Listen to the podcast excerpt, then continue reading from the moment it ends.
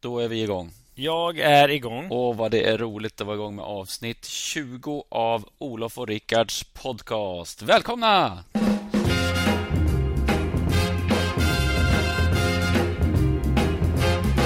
You know I don't mind working and standing on my feet Cause I've got nine children and they sure got to eat And I don't mind working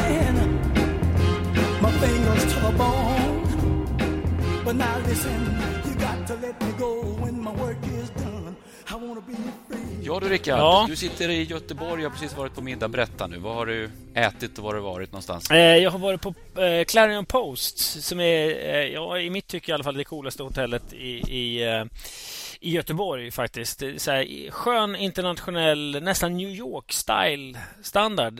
och dessutom är det faktiskt min min gode eh, gymnasiekamrat Nisse Norén. Jag gillar ju mat och sådär. Och Nisse Norén, det är en väldigt rolig historia. Jag vet inte om jag berättade det om i den här podcasten.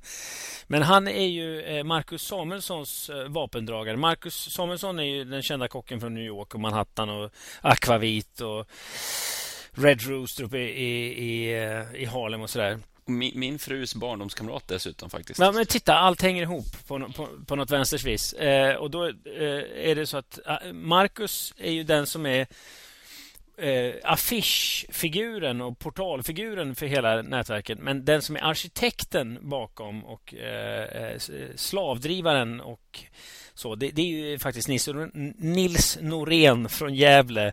Eh, en gammal kongaspelare i ett reggaeband Eh, som eh, skolkade hela gymnasiet mer eller mindre. Låg hemma och rökte cigaretter och gud vet vad... vad det var inte bara det heller.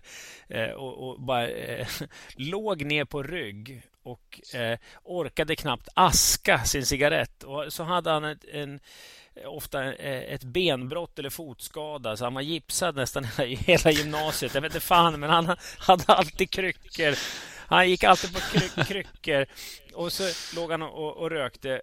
Och, så, så, och alla vi pluggade på och gick ut gymnasiet och sådär. Men Nisse låg och rökte på pojkrummet. Och så rätt vad det var i 19-20-årsåldern så reste han sig upp eh, lite så Forrest Gump-grej. Reste så här, nej, nu vet jag vad jag ska göra. Och Då gick han in på komvux och så utbildade han sig till kock och så blev han en svinbra kock. Och började jobba på Rish och KB i Stockholm och sen åkte han över till New York. Och nu är han ju... Eh, han var på French Culinary Institute och har varit med i... Eh, eh Jimmy Fallon show och, och ja, men du vet, så alla så stora tv-shower i, i, USA och, och, gjort mat och är så här, superkocken. Och jag var ute och käkade med honom en gång i New York och då, då kom kockarna ut och bara Mr Norren, Mr Norren, are you satisfied? Och det var så här, man bara, ja, fan det är Nisse, vet, han spelar konga i, i reggaeband och lägger och, och rökt cigaretter hela gymnasiet. Va? Ja, men visst kan det vara så här. Det, det som är eh, liksom en fantastiskt möte för en person kan för någon då som är van vid att träffa den personen inte alls lika stort längre. Men det är Nisse i alla fall som har gjort menyn på alla Clarion-hotell. Jag tror att det är även i Stockholm där på Norra Bantorget. Så Marcus är, är den som stå, har, har, skrivit under med sin autograf. Men det är Nisse som gör menyerna och fixar så så att nivån hålls helt enkelt. Nisse blir ett bra intro till det här avsnittet. För Jag tänkte att vi ska prata lite grann om det här med att ta en chans. Och Det kändes som att han bara reste sig upp och bestämde sig för att nu ska det hända saker här. Ja, shit i helvetet. Nisse, eh, eh, han har verkligen eh, tagit den, den, den lilla röda tråden och gjort ett nystan av.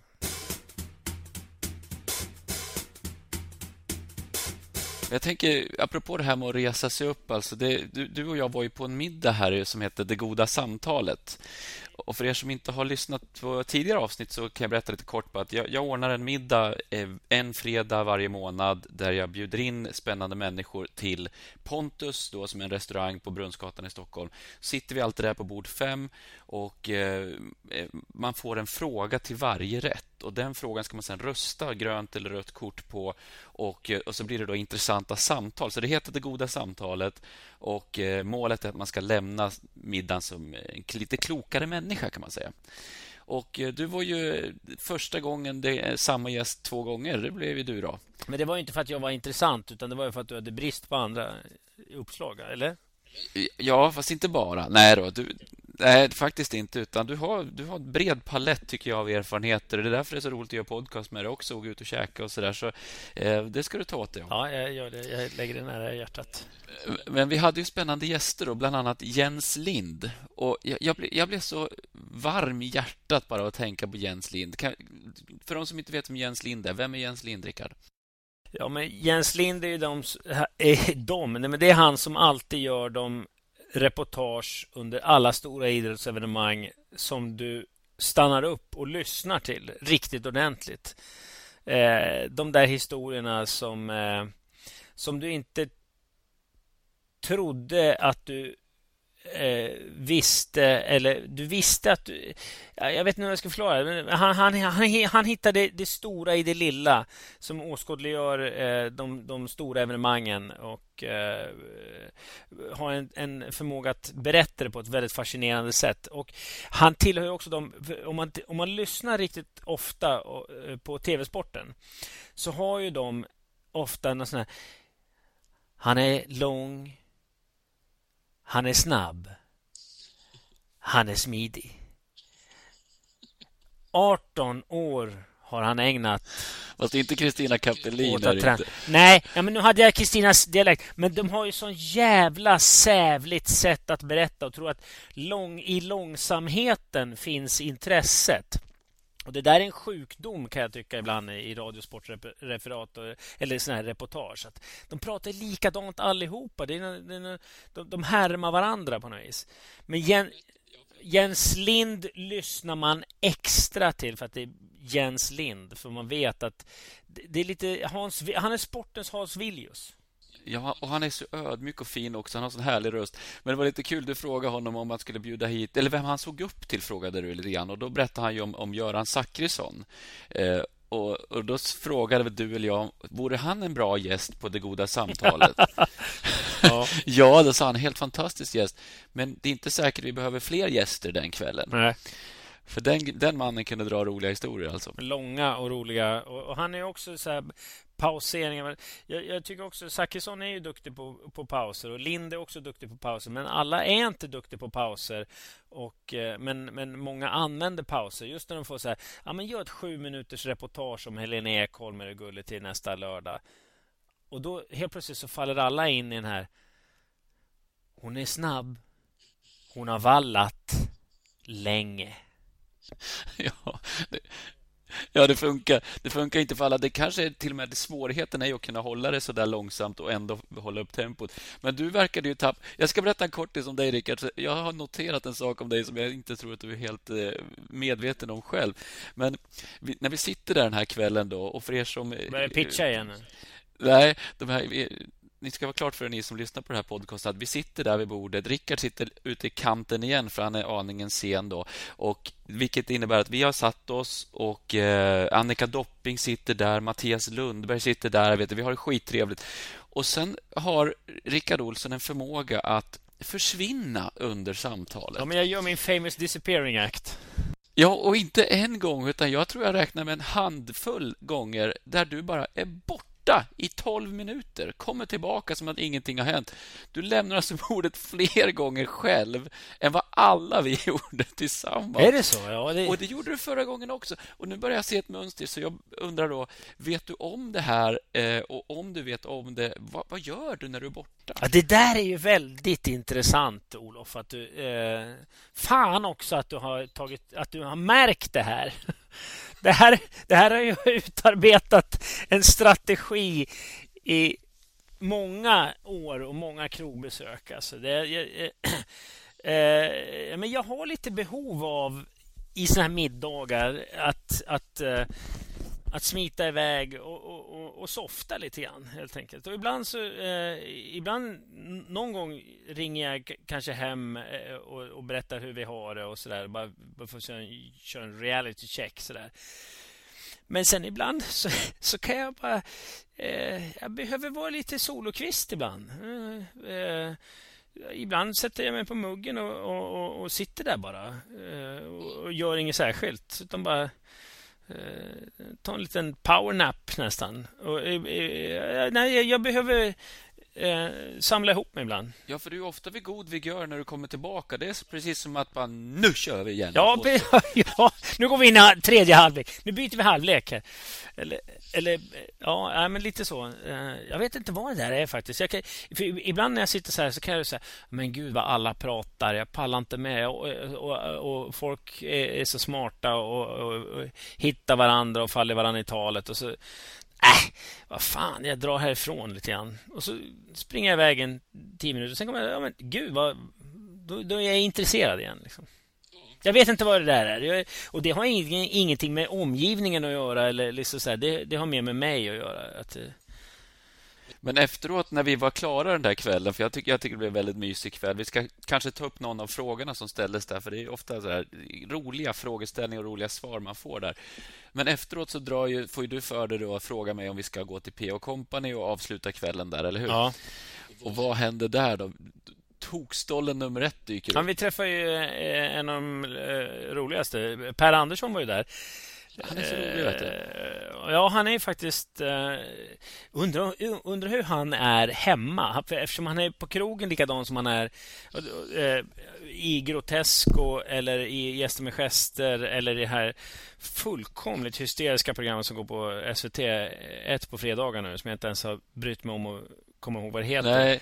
Det är Amigo för vuxna, för alla som har sett på Barnkanalens Amigo. Så det, det är samma. Men, och, Men kan du beskriva hur Per var när vi träffade honom?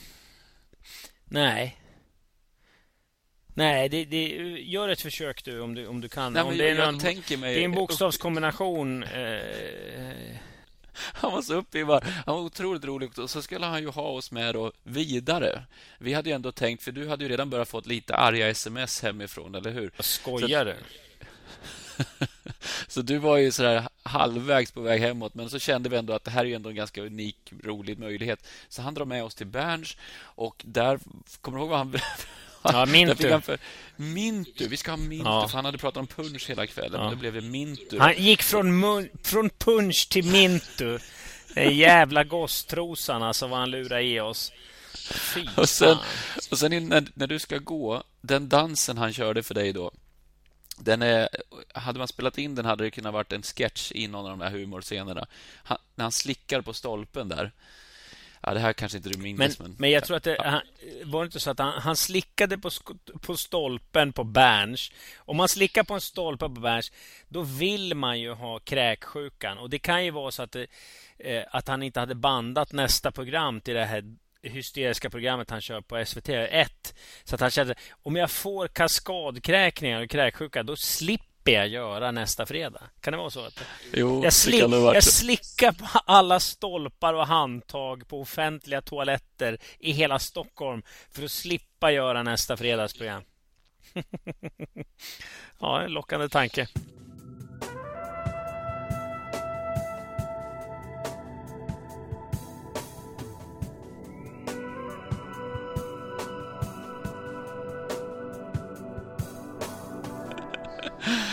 Ja. Apropå det här med att ta en chans nu då. Jag var på PA häromsisten också, då, PA Company, och då satt Andreas Karlsson där. Och Andreas Karlsson har ju, för ett antal år sedan så skrev han en bok som hette typ Live to Win eller Born to Win. Jag kommer inte ihåg vad han sa. Den hette någonting sånt där. Som jag tyckte var rätt peppande då, när jag, utifrån den situationen jag var i där. Och eh, jag såg han på Scandic Anglais för ett par år sedan och då tänkte jag att nu ska jag gå fram till och ge honom min bok som tack för inspirationen. Men då hann, han dra och så tänkte jag fasen också då. Ja, ja. Och nu dök det upp en chans till när jag var där i, om det var i torsdags. Och den här gången tog jag chansen. Så jag signerade en bok, skrev i den till honom och eh, gick fram och bara berättade att jag skulle bara vilja ge den här boken och sådär. Och sen så gick jag därifrån och var inte med med det. Men jag var så himla nöjd. Va? För poängen med, med, tycker jag, med det här avsnittet ska vara lite att man ibland får man ta en chans. Man tror ofta att ja, men herregud, det kommer fler tillfällen, det går fler tåg. Men det vet vi ju inte. Nej. Nej, men och, du är duktig på det, tycker jag. Ja, men... Hur tog han emot det? Det är jag intresserad av. Andreas? Jo, han hade lite ont i handen, så att han fick köra så här... Vet, man slänger fram en klo istället. Så att först så kände jag så här, det här känns inte bra. När han liksom ge mig en klo bara. En, en blöt så. Men det visade sig att han hade ont i henne. Han hade gjort illa sig på något vis. Så att, och jag, tyckte, jag blev väldigt imponerad hur han tog emot det. För att Jag har ju varit med om värre exempel när man försöker göra någonting och så hamnar man fel. Men den här gången såg jag till att inte hamna på själv, halvdistans i alla fall. Självdistans. Halvdistans. Så att jag sa min grej, tackade för det och sen gick jag direkt bort därifrån så att han inte, han inte blir sån här Aha, han måste ställa notfråga eller något. Ja, ingen awkward situation. Nej, jag vill inte sätta honom i det. Men jag är väldigt, väldigt glad att jag gjorde det i alla fall. Inte som när jag träffade Jocke Berg. Berätta. Har jag inte berättat det? Ah, jag, jag, jag, har ju så dålig koll på vilka, vad jag har berättat och inte berättat i de här podcastarna. Men, jo, men det, det var när vi gjorde Bullen. Så, eh, eh, så, så, skulle, vi, skulle jag få träffa Kent. Och de var inte så här jätte, jätte, jättestora då. Så här. Men de var ju stora, men inte så stora som de är idag. Och redan då hade jag hört från många så här, Fan, du är så jävla lik Jocke Berg. Du är så lik Jocke Berg. Så här, oh, oh, oh. Och det hör jag fortfarande också när jag har... Vi har av någon anledning så verkar vi ha haft, fått samma optiker också. Så att vi har samma typ av gubb, gubbglasögon. Men, men då i alla fall så träffade jag... Och då tänkte man så här, om jag ska intervjua mig. Så jag går in, jag kör en icebreaker och bara säger så här, tjena, tjena, hej. Och så gick jag fram till Jocke och så sa jag så här, ja, det, det, det, är många som tycker att du och jag är väldigt lika, så jag. Så här. Och då säger han, jaha. Och, och dog den där alltså? Inget mer. Han hade helt iskall blick. Bara, Jaha. Ja, det, nej men... men det där kan jag tycka, det, var, det där kan jag tycka lite... Här, eh, och då, min reaktion då var ju så här, ja, oh, nej men förlåt, humble, humble, lick your boots och så här.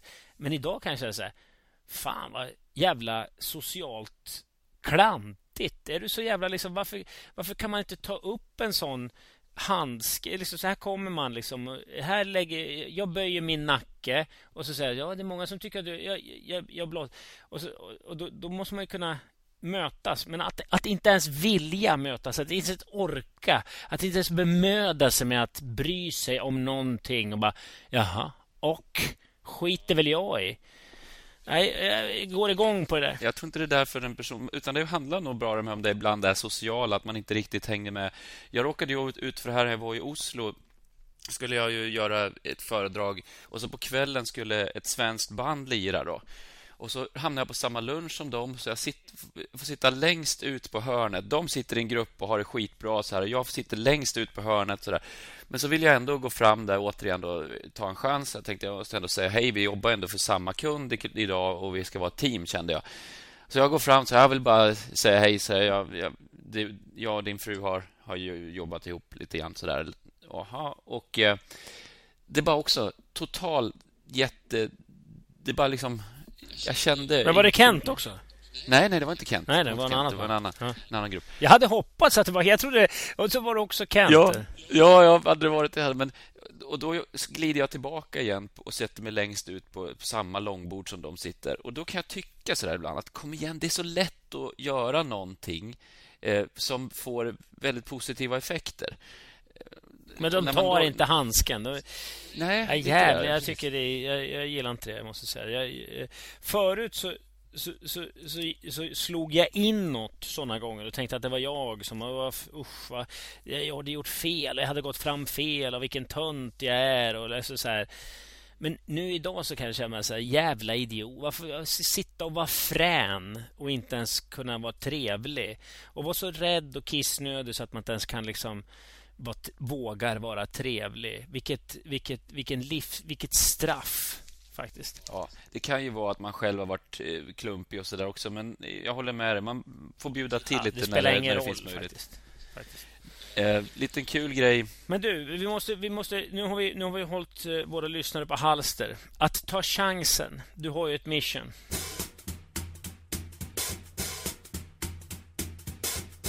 Jo, men jag, jag, jag försöker fundera mycket på det här med att ta en chans. För mig är det liksom, definitionen på ett bra liv är ju att man tar en chans. Och om du tänker att du har eh, en relation så någon är ju först med att säga jag älskar dig alltså någon, och det är ju att ta en chans, för det finns ju alltid en viss uppenbar att någon så här och så dör det här då och så visar det sig att det där var, det var feltajmat eller det var inte alls eh, inte besvarat. Eh, men om ingen gör det, om ingen tar den här chansen, då blir det ingen relation heller. Så eh, att ta en chans kan vara i smått och stort och det är lite det jag vill spela det här dragspelet idag. Att ibland så tar man en chans och försöker säga, säga något roligt med, med en risk att det skämtet faller platt. Och ibland tar man en chans och säger upp sig och det är inte alltid man vinner men jag vågar påstå att det händer ingenting om man inte tar en chans. Så... En av de farligaste chanser tror jag så, så slår mig spontant bara, det kanske inte är så, men eh, eh det är att säga att på riktigt, eh, jag älskar dig. Vi, eh, ja, för då blottar man ju sig ordentligt. Ja, men det är, en, det är att visa otrolig eh, svaghet eh, och samtidigt styrka. Och eh, att då, för det är det värsta, jag tror, jag tror att det är en av de värsta saker man kan råka ut för faktiskt. När, ens kärlek blir förnekad. Och jag tror alla, alla har ju varit där. När, det blir, när den blir obesvarad så, så kan det vara... Det är den största chansningen av dem alla. Och med risk för att låta hur klyschig som helst, så är jag beredd att säga. Och det, just den chansningen kan få folk att göra väldigt märkliga saker. Men jag tror också att det står i proportion till varandra. Hur, hur mycket man har att vinna är också till, kopplat till hur, hur, eh, hur stort motstånd det är. Hur mer, du blir mer imponerad av någon. Om vi tar vissa som har tagit affärsidéer långt och så, här, så blir man rätt imponerad. Och Det är ofta för att man förstår också att där det finns en chans så finns det också en, någon form av risk. Alltså Du kan inte vinna om inte du också kan förlora. Det här ingår i spelet. Och Förstår man bara det så vet man att jag vinner ibland och förlorar ibland, men jag ska ändå ta en chans. Och Ta bara en sån här liten kul anekdot. Jag var i Falkenberg och körde ganska, två ganska stora föredrag. Och Då visade det sig att jag fick massa flashbacks. Jag har ju bott i Falkenberg. Och Jag tog en chans då sommaren innan jag skulle börja spela pingis på, eh, i A-laget där. Så, så eh, tänkte jag att jag ska söka ett sommarjobb.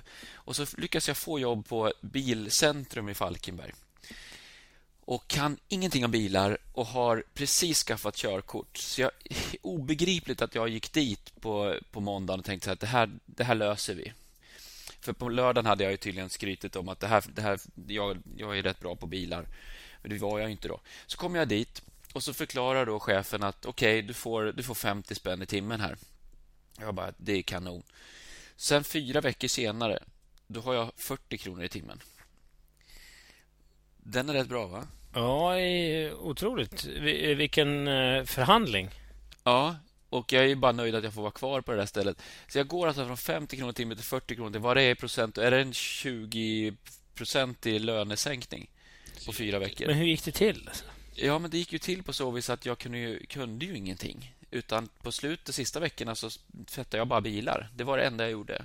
Jag fick inte hålla mig i närheten av någonting, utan Bland annat vid ett tillfälle så ska han säga då, kan du gå och parkera den här Mercan? Splitterny Merca. Jag bara shit. Och så kommer jag ut och ska öppna bilen. Jag är alltså 19 år och jag ska öppna bilen och bara, nej men vad är det här? Så går jag tillbaka till honom och kastar nyckeln sådär på eh, och säger, den här, det här är ingen bilnyckel.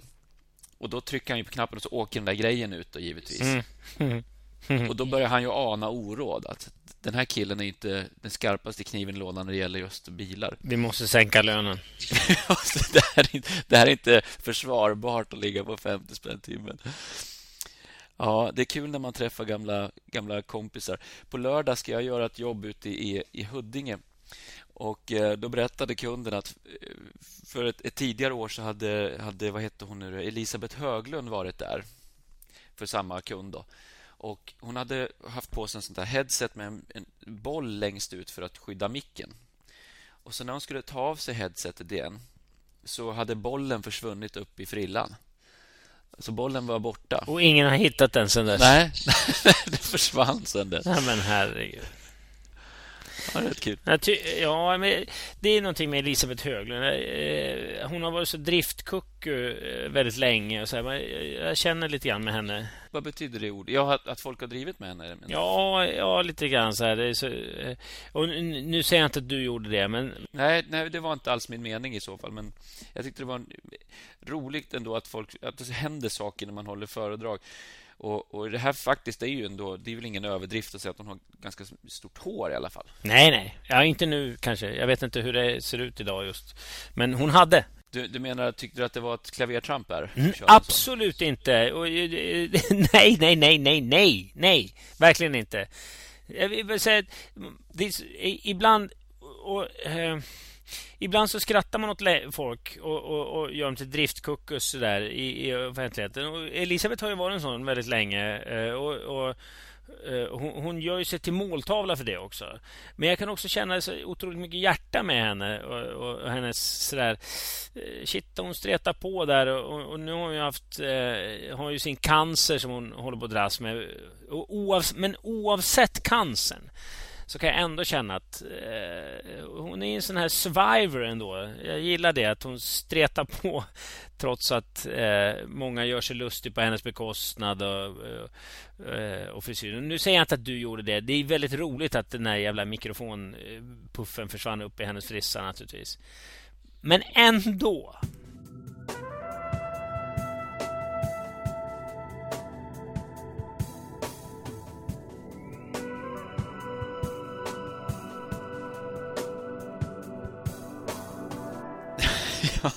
jo, men jag håller helt med dig. Och, och ibland kan man känna så där att gjorde jag mig rolig på någon... Det var inte meningen. Jag, jag märkte bara häromdagen så var vi och, och ute och käkade, jag och Anna. Det här blir lite ett restaurangavsnitt, känner jag. Eh, var vi på Arirang. Jag vet inte om du varit på det här koreanska stället. Nej. På, på Luntmakargatan i Stockholm. Fantastiskt bra. Jag kan verkligen rekommendera. Arirang heter det och jättefin personal och sådär. Och normalt sett när man äter ibland på vissa, ta en Kina-restaurang så har de tre saker de säger väldigt snabbt. Alltså du, du vet, man, man säger så här, ja, eh, en lunch tack. Dricka? Alltså du hinner inte säga vad du ska ha så kommer det dricka och sen kommer det äta här. 89 kronor tack. Det är de tre som man kör järnet. Och då är det så skönt att komma till Arirang för där är det där spelar man ut servicekortet också. Ja, just det. Kineser är ju väldigt, alltså om man nu eh, får dra alla kineser över en kam så är de ju väldigt bra på affärer och, och, och väldigt så här, hur drar vi nytta av den här kunden? Och därför frågar de säkert vad vill ni dricka väldigt snabbt? Tror du inte att det är en sån grej? Jag tror att eh, det var väl... Jag såg på eh, Annika Doppings eh, Twitter idag, så hon hade varit och lyssnat på Anders Bredberg eller någon sån här för detta hockeykille. Han sa you, you love people and use things. Don't get that mixed up. Det är ganska bra. Vad sa du? You love people and... Use things. Älska människor använd saker, inte tvärtom. Eh, men jag träffade, apropå hjärta, åh oh, vad härligt det var att få träffa dina föräldrar. Jag var ju jävla här. Ja. vad hände liksom? Det här har jag glömt bort. Jag var ju på Fuerteventura eh, och ja. fick ett MMS där du sitter med min mamma.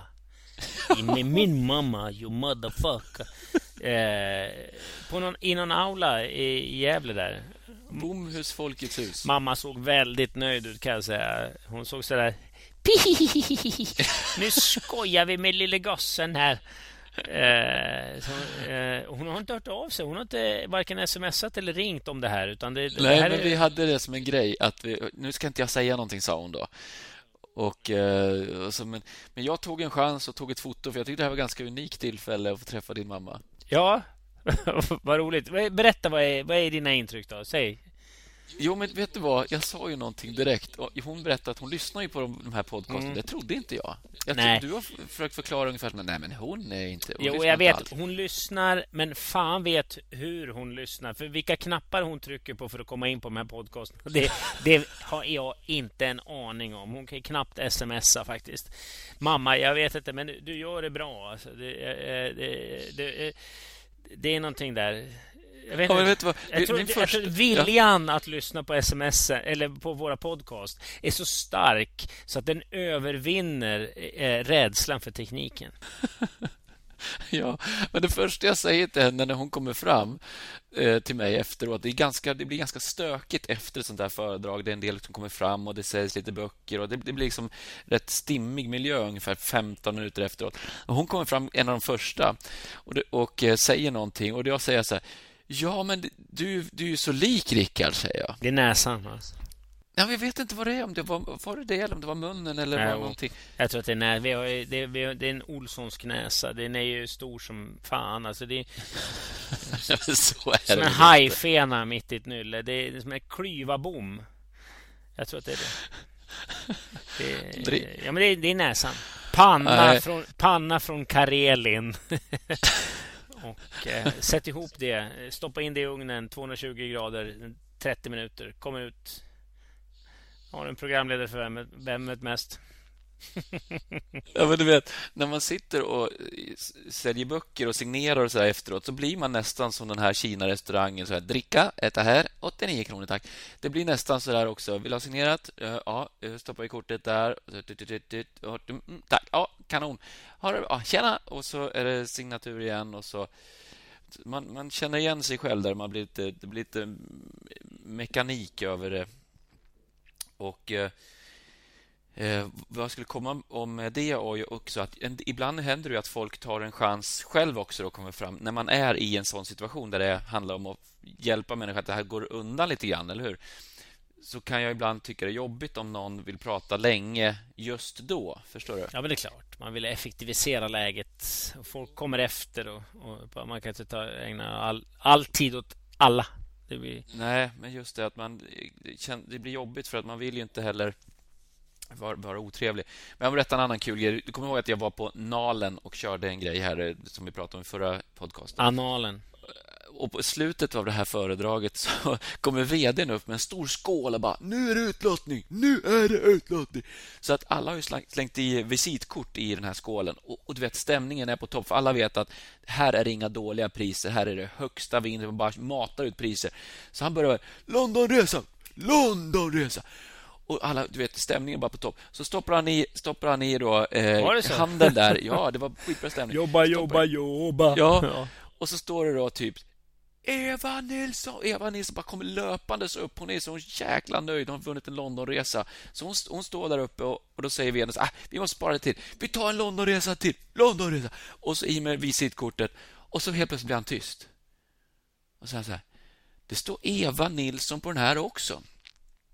Och då börjar Eva, då, som står där bakom, hon heter inte Eva, men då ser man hur hon börjar gömma ansiktet, du vet, handen, handen i ansiktet. Hon har lagt ner flera. Hon har slängt i flera visitkort, vet du. Fy fan vad roligt. Så det går alltså från att hon får applåder till krokodilapplåder och folk börjar så viska så här, ska hon ha det här priset? Det känns inte bra. Nej, andra priser kan hon inte få. Hon har ju vunnit den. Nej, nej, det är klart. Hon givetvis inte... Fick, fick inte två Londonresor, men man börjar men känna så här... ska hon ha den första? Ja, är hon värd noll, någon resa överhuvudtaget? För du kan tänka själv, om du är 150 pers och du har två visitkort, då är du en på 75 helt plötsligt. Så chansen ökar ju radikalt med varje visitkort. Fan, jag, jag måste säga så här. Det är, eh, hon ska ha en Londonresa bara för att hon är så jävla förslagen, tycker jag. Det, eh, det finns inte många som skulle ha samvete och, och mod och karaktär att göra det. Men hon är så jävla du, du vet ju själv, hur blir man en vinnarskalle? Ja, släng ner 50 visitkort i en sån där jävla skål, ska du säga. Då blir du, då blir du en vinnare till sist. Man kan ju beundra sånt där. Ja, jag tycker det. Idag så skrev vi på papper för ny lägenhet. Och efteråt, när vi har gjort det, så säger hon då som har sålt den här lägenheten till oss att okej, okay, nu är det så här, det kommer komma en utvärderingslapp också efteråt och ni kan väl sätta en femma där, för jag vann en New York-resa förra året. Jag skulle vilja vinna i år igen.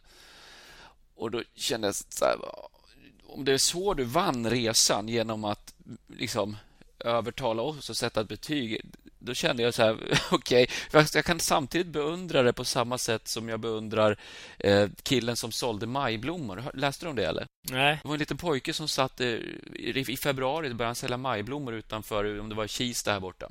Och så började ju pensionärer och andra ringa in så här, oj vad tidigt ni har börjat med majblommor. Så här, men vi säljer inte majblommor än. Då sålde han ju förra året så han har hittat någon, någon bunt med majblommor. Jag gillar ju sånt där. Och börja sälja, vet du. Så han var ju ensam på marknaden där under en period. Samtidigt som det är fruktansvärt fult gjort eftersom de här pengarna ska gå till välgörenhet. Ja, men det finns någonting ändå som jag tycker... Eh, jag har väl berättat, eh, och för er som inte har hört det tidigare i, i, när jag eh, pluggade i Örebro när, eh, när jag eh, hade träffat min dåvarande blivande fru så, eh, så tog jag tåget från Stockholm till Örebro tidigt en morgon. Och då kom det in en... Tåget gick till Göteborg. Kommer du ihåg den? Ja, ja precis. Och då kan dra den igen. Ja, men då kom det in en göteborgare och sa Åh, jag har glömt min plånbok. Jag var ute hela natten. Oj, oj, oj. oj min, min, eh, alla pengarna och, och biljetten är borta och jag måste på ett möte i Göteborg. Jag behöver pengarna till biljetten. Och då tog jag eh, hela min lunchkassa, 40 spänn då, som fattig student och, och, gav honom för jag tyckte fan, han måste ju till Göteborg, han ska på ett möte, det var viktigt. Och så, där. och så var det flera stycken som gav honom. Han fick säkert en 150-200 spänn bara i våran lilla eh, vagn där. Och så, så gick han vidare i nästa vagn och, och så hörde man oj, jag var inne, var inne. Och så, så åkte jag tillbaks till min... Eh, då, eh, som nykär som jag var så susade jag upp till Stockholm igen eh, i samma vecka under helgen. Och så kom jag, tog jag samma tåg tillbaks fyra dagar senare. Tror du inte på fan att man hör bara Åh, jag tappade bort plånboken och jag, jag, var inne och jag var på restaurang och jag måste på möte. Och, så här. och då när han kom fram till mig så sa han, du fick ju 40 spänn av mig för tre dagar sedan. Hur gick det? Och det hade jag ingen minne av. Det hade jag helt glömt bort och tappat bort naturligtvis. Och blev väldigt stressad. Och så gick han vidare in i nästa vagn. Och så fortsatte han. Och det är klart, en del kan ju bli otroligt provocerad och känna fan vad han utnyttjar hela mig och, oj, oj vad kränkt jag ska bli och så här. Men det är bara en desperat människa som gör så där. Jo, och det är ju, det är ju liksom inte, det är, det, är, det är så det är. Och om han tjänar 40 spänn här, om han kanske drar ihop en tusenlapp och ja, vad fan. Låt han göra det då. Jo, men jag, det, poängen är ju någonstans att i det här fallet kanske inte var något bra exempel, men om vi tar de andra som jag drog innan så är det ändå att någon har ändå eh, om än man kan tycka det inte är rättfärdigt att göra men de har ändå försökt göra någonting som man, man, försöker påverka situationen. Men det gäller att hålla sig inom ramarna också.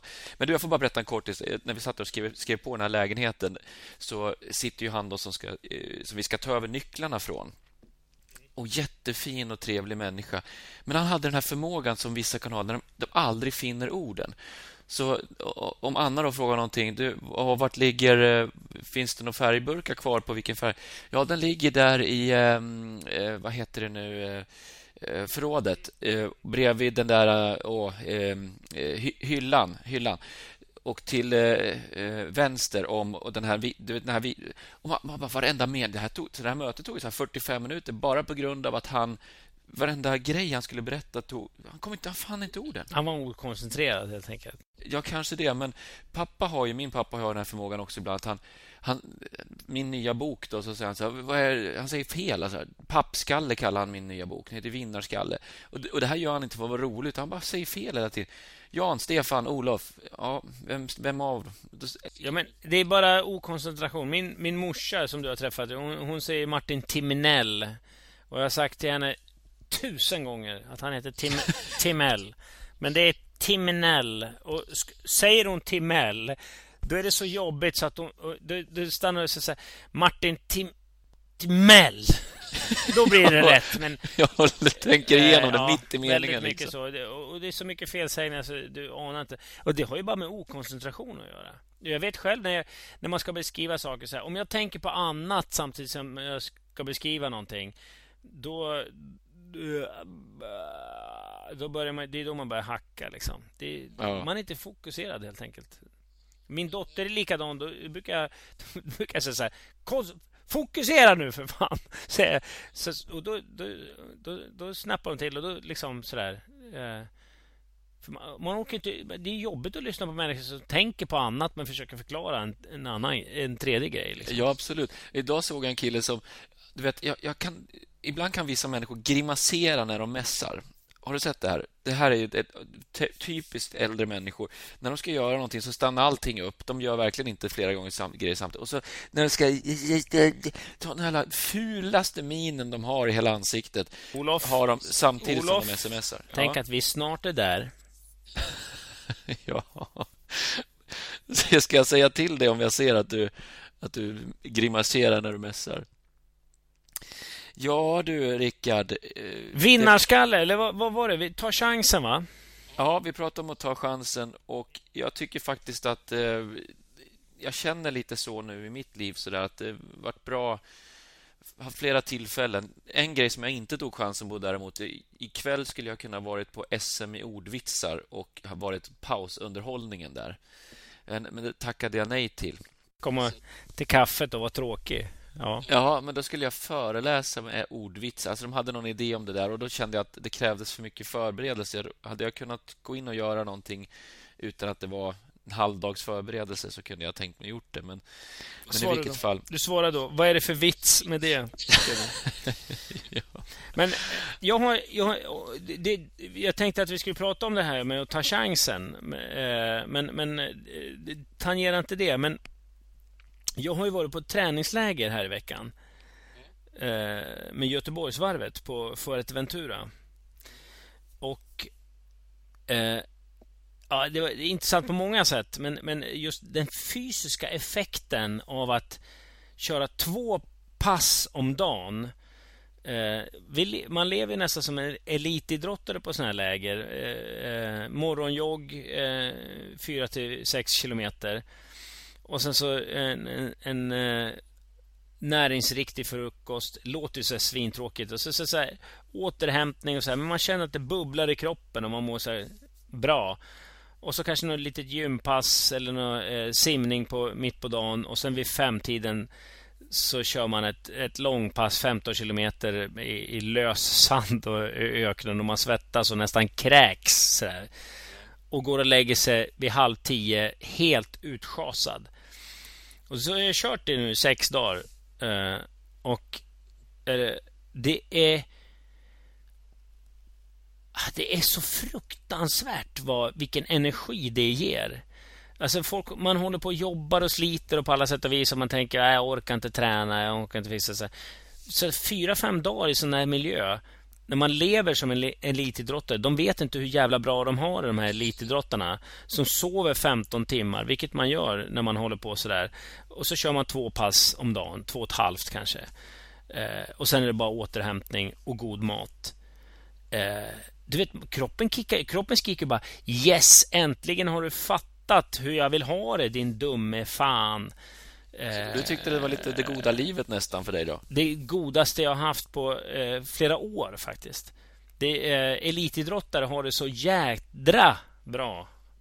Eh, så de ja, vet inte om det. Ja, elitidrottare som, som lägger av, de vill ju in i det livet som, som kanske du och jag har eller som, som, som alla människor har. Så man vill dricka en öl och man vill så här, vara skön i brallan och inte, inte behöva gå och lägga sig klockan 22 och sådär. Så de vill sitta uppe med alla andra. Så där. Ja, men det är samma jädra tugg. Men otroligt vad bra det är när man går från det andra hållet. Den som har suttit kvar på middagen och druckit kaffe med avec och allting och sätter sig i elitidrottens situation. Det, det kickar in något djävulskt alltså. Ja. Så att du hade kunnat tänkt dig vara kvar där till och med? Ja, tveklöst. Dessutom hade jag ett fantastiskt möte med två kronofogdekillar som eh, som, som jobbar... Ja, men det är också så här, du vet, jag älskar sån här åka på Uh, och träffa människor som man aldrig träffat förut. Det är lite som att ligga i lumpen. Du vet, såna människor som man träffade i lumpen som man aldrig träffar, kommer att träffa. En sån här skogstammefan från Hälsingland. Liksom så. Uh, och nu träffade jag två, två killar uh, som hade jobbat ihop på Kronofogden. Den ena hade gått vidare till Svea Inkasso. det är ju lite roligt. Ja, men liksom. Svea Inkasso, där har jag, de har jag pratat till. Ja, ja, ja men de, ja, jag, har, jag har haft brev, brevväxling med dem.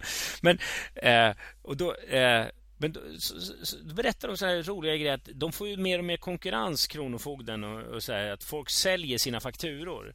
Eh, och, och eh, den, den, ena avarten är ju då att sälja till HA eller Hells Angels. Såna, du, du vet, så här, då får man direkt in. Men så finns det såna här mellan, mellangrejer som Baltic Inkasso. Det är så här, och då har de som underrubrik Vi skickar inga fåniga fakturor. Vi kommer på besök. det, det här, om, du, om du någon gång får en, en räkning från Baltic Inkasso då vet att shit, de, de här det, det finns liksom Påminnelsen kommer i, i form av ett, en dörrsignal. Liksom. Ja, betala eller blåtira. Det är liksom det. Är det. Och så berättar de en väldigt gullig historia också som jag tycker eh, det är lätt att göra sig lustig på, av, på språkförbistringar och, och, och sådär med, med invandrare som inte kan svenska språket och, och sådär. Men den här, jag tycker den är så vacker och lite gulligt rolig. Jag måste förklara det innan. Eh, det, om att komma till Sverige och, och, kanske få lån och pengar och allting sånt där. Det är, det är, inte så jävla lätt att komma in i det här systemet och det är inte lätt för svenskar heller. Och det, och det gör ju det att många nysvenskar och invandrare hamnar hos Kronofogden. Och då när, när de ringer då så, och så svarar så här, Kronofogden Har jag kommit till Kronfågel? Då, då bland, blandar de ihop, och det här händer tydligen någon gång i veckan nästan, att man blandar ihop kro, kro, Kronofogden med Kronfågel. Jag kan tänka mig att det är en typisk barhistoria de drar där, för den är ju faktiskt väldigt rolig. Ja, det, det, det är gulligt också på något vis. Att,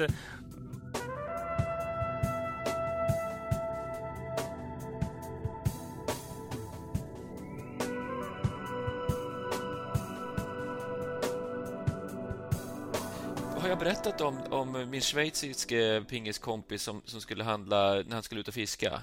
Nej. Jag vet inte om jag har dragit det. Men han bodde ju, gick i pingisgymnasiet med i Falkenberg och så skulle han upp och, och handla då för att nu skulle ut och fiska.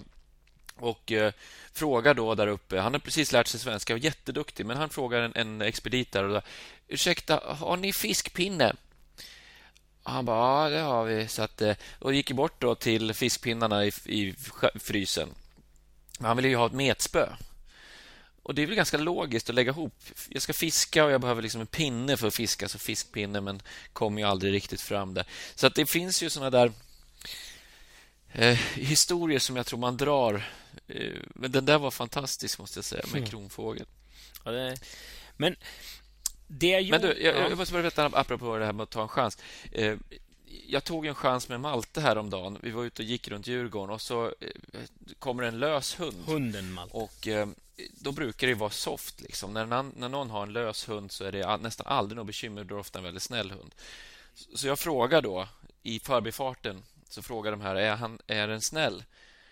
Ja, uppfattar jag. Och då släpper jag Malte. Och den där hunden eh, är ju på väg att ta död på vår hund. Vet du. Han, du vet, det blir ett sånt liv alltså. Ja, var han i koppel eller hon? Nej, ingen av dem var i koppel. Båda lösa? Ja. Och, och jag släpper ju Malte på grund av att jag har uppfattat att han säger att den här hunden är snäll. Och då, är det aldrig något bekymmer. Men den här hunden då, bara sett, den ligger liksom över Malte och, och ska nästan ta halsen av honom. Då. Nu, nu överdriver jag lite, men, ja, men jag separerar de här. Och ja, det gjorde det. Ja. ja. Och, eh, och sen när ägaren kommer så försöker han då ta en rövare. Liksom att, ja, försöker tona ner det där som hände. Och, och då slår det mig att när man är eh, i den situationen, då får man inte tona ner. Det är jag som ska tona ner i så fall. Förstår du? När han då försöker tona ner att det där var inte så farligt, då tonar jag ju upp och säger att det var det visst, det var då du kan... Och då blir jag så förbannad där, för att jag tycker att det var dålig stil av honom. Eh, dels med det här med hunden, men framförallt hur, han, hur oansvarig han var. Han kollade inte hur var det med min hund och sådär. Ja, han var, blev nervös och gjorde en primatreflex helt enkelt. Ja, vilket i sig är lugnt, men jag kan ändå tycka det... Jag, jag, går igång på när någon... Det var ungefär som när, när, vi, när Folk projicerar ju alltid ut. Eh, om, man, om man får något eget problem så verkar det vara eh, någon slags jävla reflex att folk inte blickar inåt utan man tittar utåt. Finns det någon, någonstans där kan projicera det här problemet? Ja visst, där. Och då gör man det. Ja, men i det här fallet, det som jag vill mena är någonstans ändå att när du har gjort ett misstag, som jag upplever att han har gjort, då får inte du tona ner det. Han skulle egentligen sagt så här, åh herregud, hur har det här gått? Och så hade jag kunnat säga så här, ah, det, det blev inget hål, så det, det, det var rätt lugnt. Ja eller hur? Men när han gör det då... Och Det hände en liknande grej när jag och Anna skulle flyga till New York. Då sitter vi där på flyget och så flygvärdinnan spiller varmt kaffe i knät på Anna. Och det är ju inte bra. Och så säger flygvärdinnan Ja, tur du inte hade vita byxor i alla fall. Och då kände jag ju att det, Anna kan säga det. Hon kan säga tur att jag inte hade vita byxor. Men du som har spilt kaffet för tusan, du ska inte tona ner det här. Förstår du? Eh, så hon tog väl en chans på sitt sätt och försökte tona ner det, men du kan inte göra det i den rollen. Ja, ja, det, don't get me started. Eh, det här har jag varit med om så jävla mycket i mitt yrkesliv så att eh, eh, så att jag kan nästan inte berätta om det. jo, apropå att man projicerar utåt. När man eh, eh, byter ut människor i olika projekt och så inser man att shit, det här går åt pepparn. Och, och, och när, när man då har flaggat sig det här kanske går åt pepparn. Eh, och så visar det sig att det gör det. Så hittar man alla andra orsaker än att säga Nej, jag hade fel. Vi, vi gjorde fel. Jag gjorde fel. Så hittar man en massa...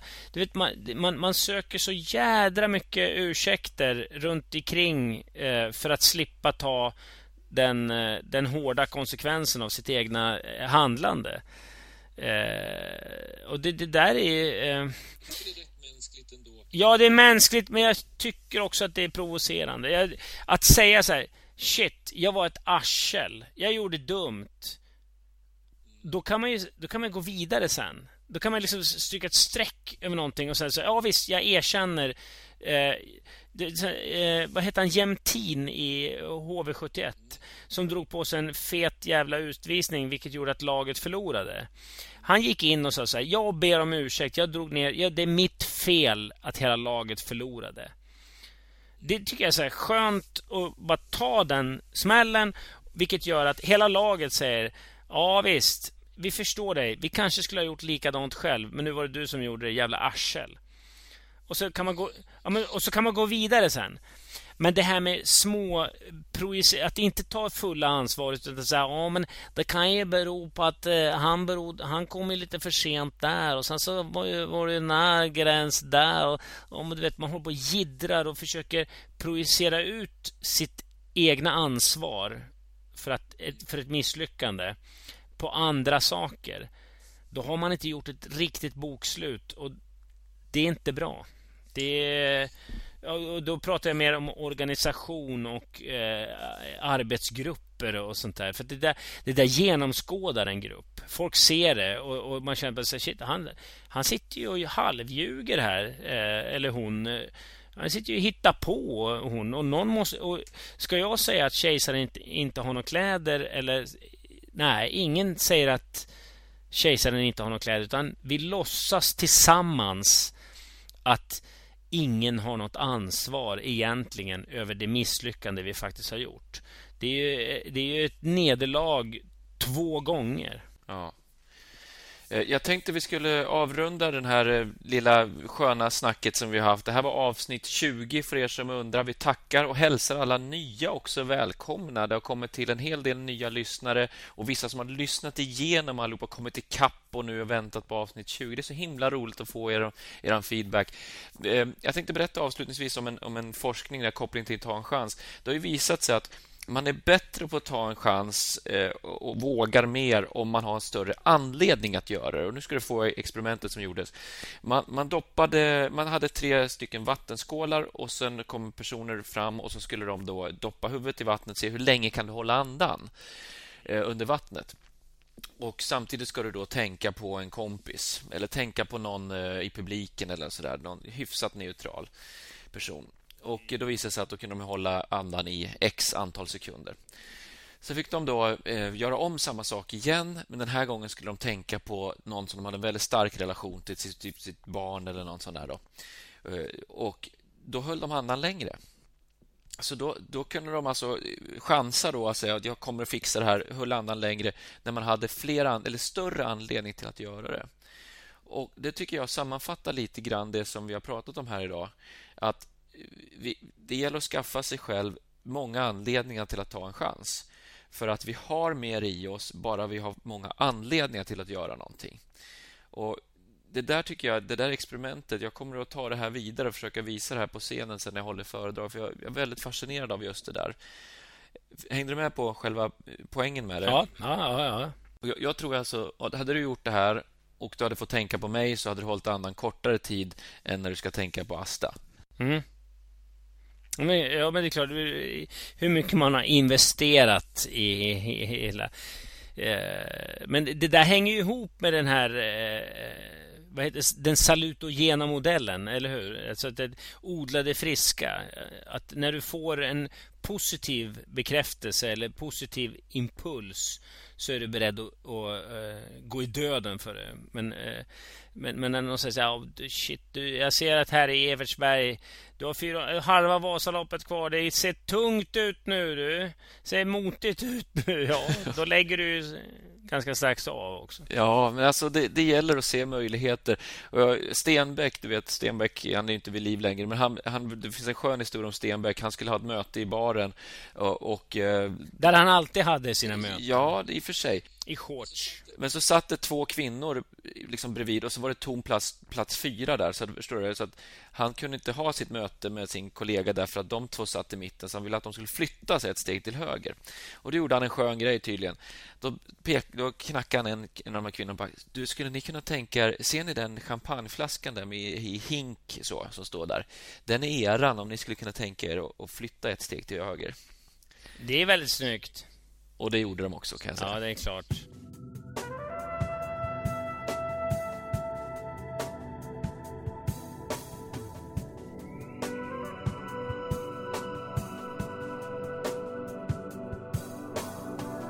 Det känns som du har mått rätt bra ikväll. Får, får jag ställa en fråga? Har du, har du, vad, vad drack ni ikväll? Jaha, känns det så? Eh, Nej, men... Känner jag, känns, känns, känns jag salongsberusad? Ja, li, lite sådär på ett ja, men Det är jag faktiskt, om jag ska vara helt eh, frank. Eh, det var inte mycket. Och det behövs inte mycket i den här kroppen som jag har sprungit så in i helvete. Jag har sprungit sju mil på fem dagar här nu. Eh, man, man, blir ju sårbar då när man, om man dricker någonting när man har tränat ner sig så där mycket. Berätta, berätta en kort anekdot. All vätska kickar in. Eh, det, det, är två, ett glas skumpa, två glas rött och en öl. Ja men jag, jag, kände det, vet du. Utslag, utslaget från, från klockan eh, åtta till halv ett som klockan är nu när vi spelar in det här. Kort, eh, nu försöker jag för tredje gången. Kort avslutningsanekdot då. Eh, vad heter det? Jag var på en pingisfest en gång och så kom det ett gäng. Låter kul. Ja, men då, då hade de varit på läger ett helt gäng där då. Så de hade ju tränat ut sig totalt. Och sen då... I... Ja, men vänta nu, vänta nu, Olof. Det går inte att träna ut sig totalt i pingis. Jo, de här grabbarna nej, kunde nej, nej, nej. Ja, men de körde inte... hårt i alla fall. Eh, och så, och så var Pingislunga. så ja. var det fest. Och, de var helt slut. Ja, men det här är ja. inte sant. Lyssnar du? Ja, jag skratt. Du vet, jag har sprungit så jävla långt de här dagarna och så kommer du och säger du, några pingisspelare som har tränat ut sig totalt. Jag, jag har svårt att ta det på allvar. Vi Förlåt. får ta den historien nästa gång då. Ja. Ja, men berätta, berätta, berätta, berätta. Tjejer, jag ska, ska vi dra den ändå? Då? Ja. Ja, men i alla fall så kom han på den här festen och så blev han lite dragen och blev ganska mycket dragen med tanke på att han då var så pass slutkörd i kroppen och gör bort sig lite grann, tycker han själv, eller rätt rejält, tycker han själv. Och på näst, veckan efter får alla som var på festen, vi var alltså 250 pers på den här festen, alla får ett brev där han ber om ursäkt för sitt beteende. Det tycker jag är fint gjort, men då kom jag och en kompis på att vi ska skicka såna där brev innan festen. När vi då, det kan bli att jag kommer att bete mig illa den här festen och jag ber redan nu om ursäkt. Det är ju, då tar man en chans, fast omvänt. Lite sånt som man sätter upp i trappen när man ska ha gårdsfest. Eller Just det, precis. Fast redan innan man kommer på festen delar man ut lite lappar. Jag kommer antagligen bete mig rätt illa ikväll och eh, bara så ni vet det. Ha, hörni, eh, vi tackar kära lyssnare för den här gången. Vi har haft en salongsberusad Rickard Olsson på tråden. Ja, jag, ni kan få en till om ni vill, eh, faktiskt apropå samma ämne. Om, om du nu har döpt mig till salongsberusad så tar jag mig friheten att, att hålla upp det här hejdået genom att säga att det bästa sättet att hålla en firmafest eh, i låg profil när det gäller alkoholen och fyllan Eh, det, det, tror jag Radio Stockholm har. För De hade eh, på sina firmafester att den som var fullast fick en ledartröja. Så Då satte de på den fullaste killen eller tjejen en ledartröja. Och Då var det två nyktra killar som gick omkring och kollade. Bara, han ser jävligt full ut. Den vill man ju inte ha, den ledartröjan. Var den gul också? Ja, eh, rosa tror jag. Så, så när man fick på sig den här tröjan, då höll man ju igen. va? Då var man fullast för tillfället på festen. Ja, och då höll... Shit, man vill ju inte vakna med ledartröjan, så då höll man igen. Och så blev man av med ledartröjan och, huh, Men då drack man ju jävligt måttligt resten av festen Och så var det någon annan som fick ledartröjan Så kunde man sitta och skratta och kolla, kolla Gittan där, hon sitter med ledartröjan. Fan vad full hon är. Och, så. Och, då, och då fick de en jämn nivå på hela festen. Det är ett jävligt bra tips tycker jag. Faktiskt. det var faktiskt väldigt roligt. Mm. Och i våran podcast ikväll så är det jag som har ledartröjan. Ja, du har ledartröjan. Får se om jag kan komma ikapp någon annan gång. Kära lyssnare, för 50 gången avslutar vi och vi är tacksamma för att ni lyssnar till oss. Hej då! Hej då!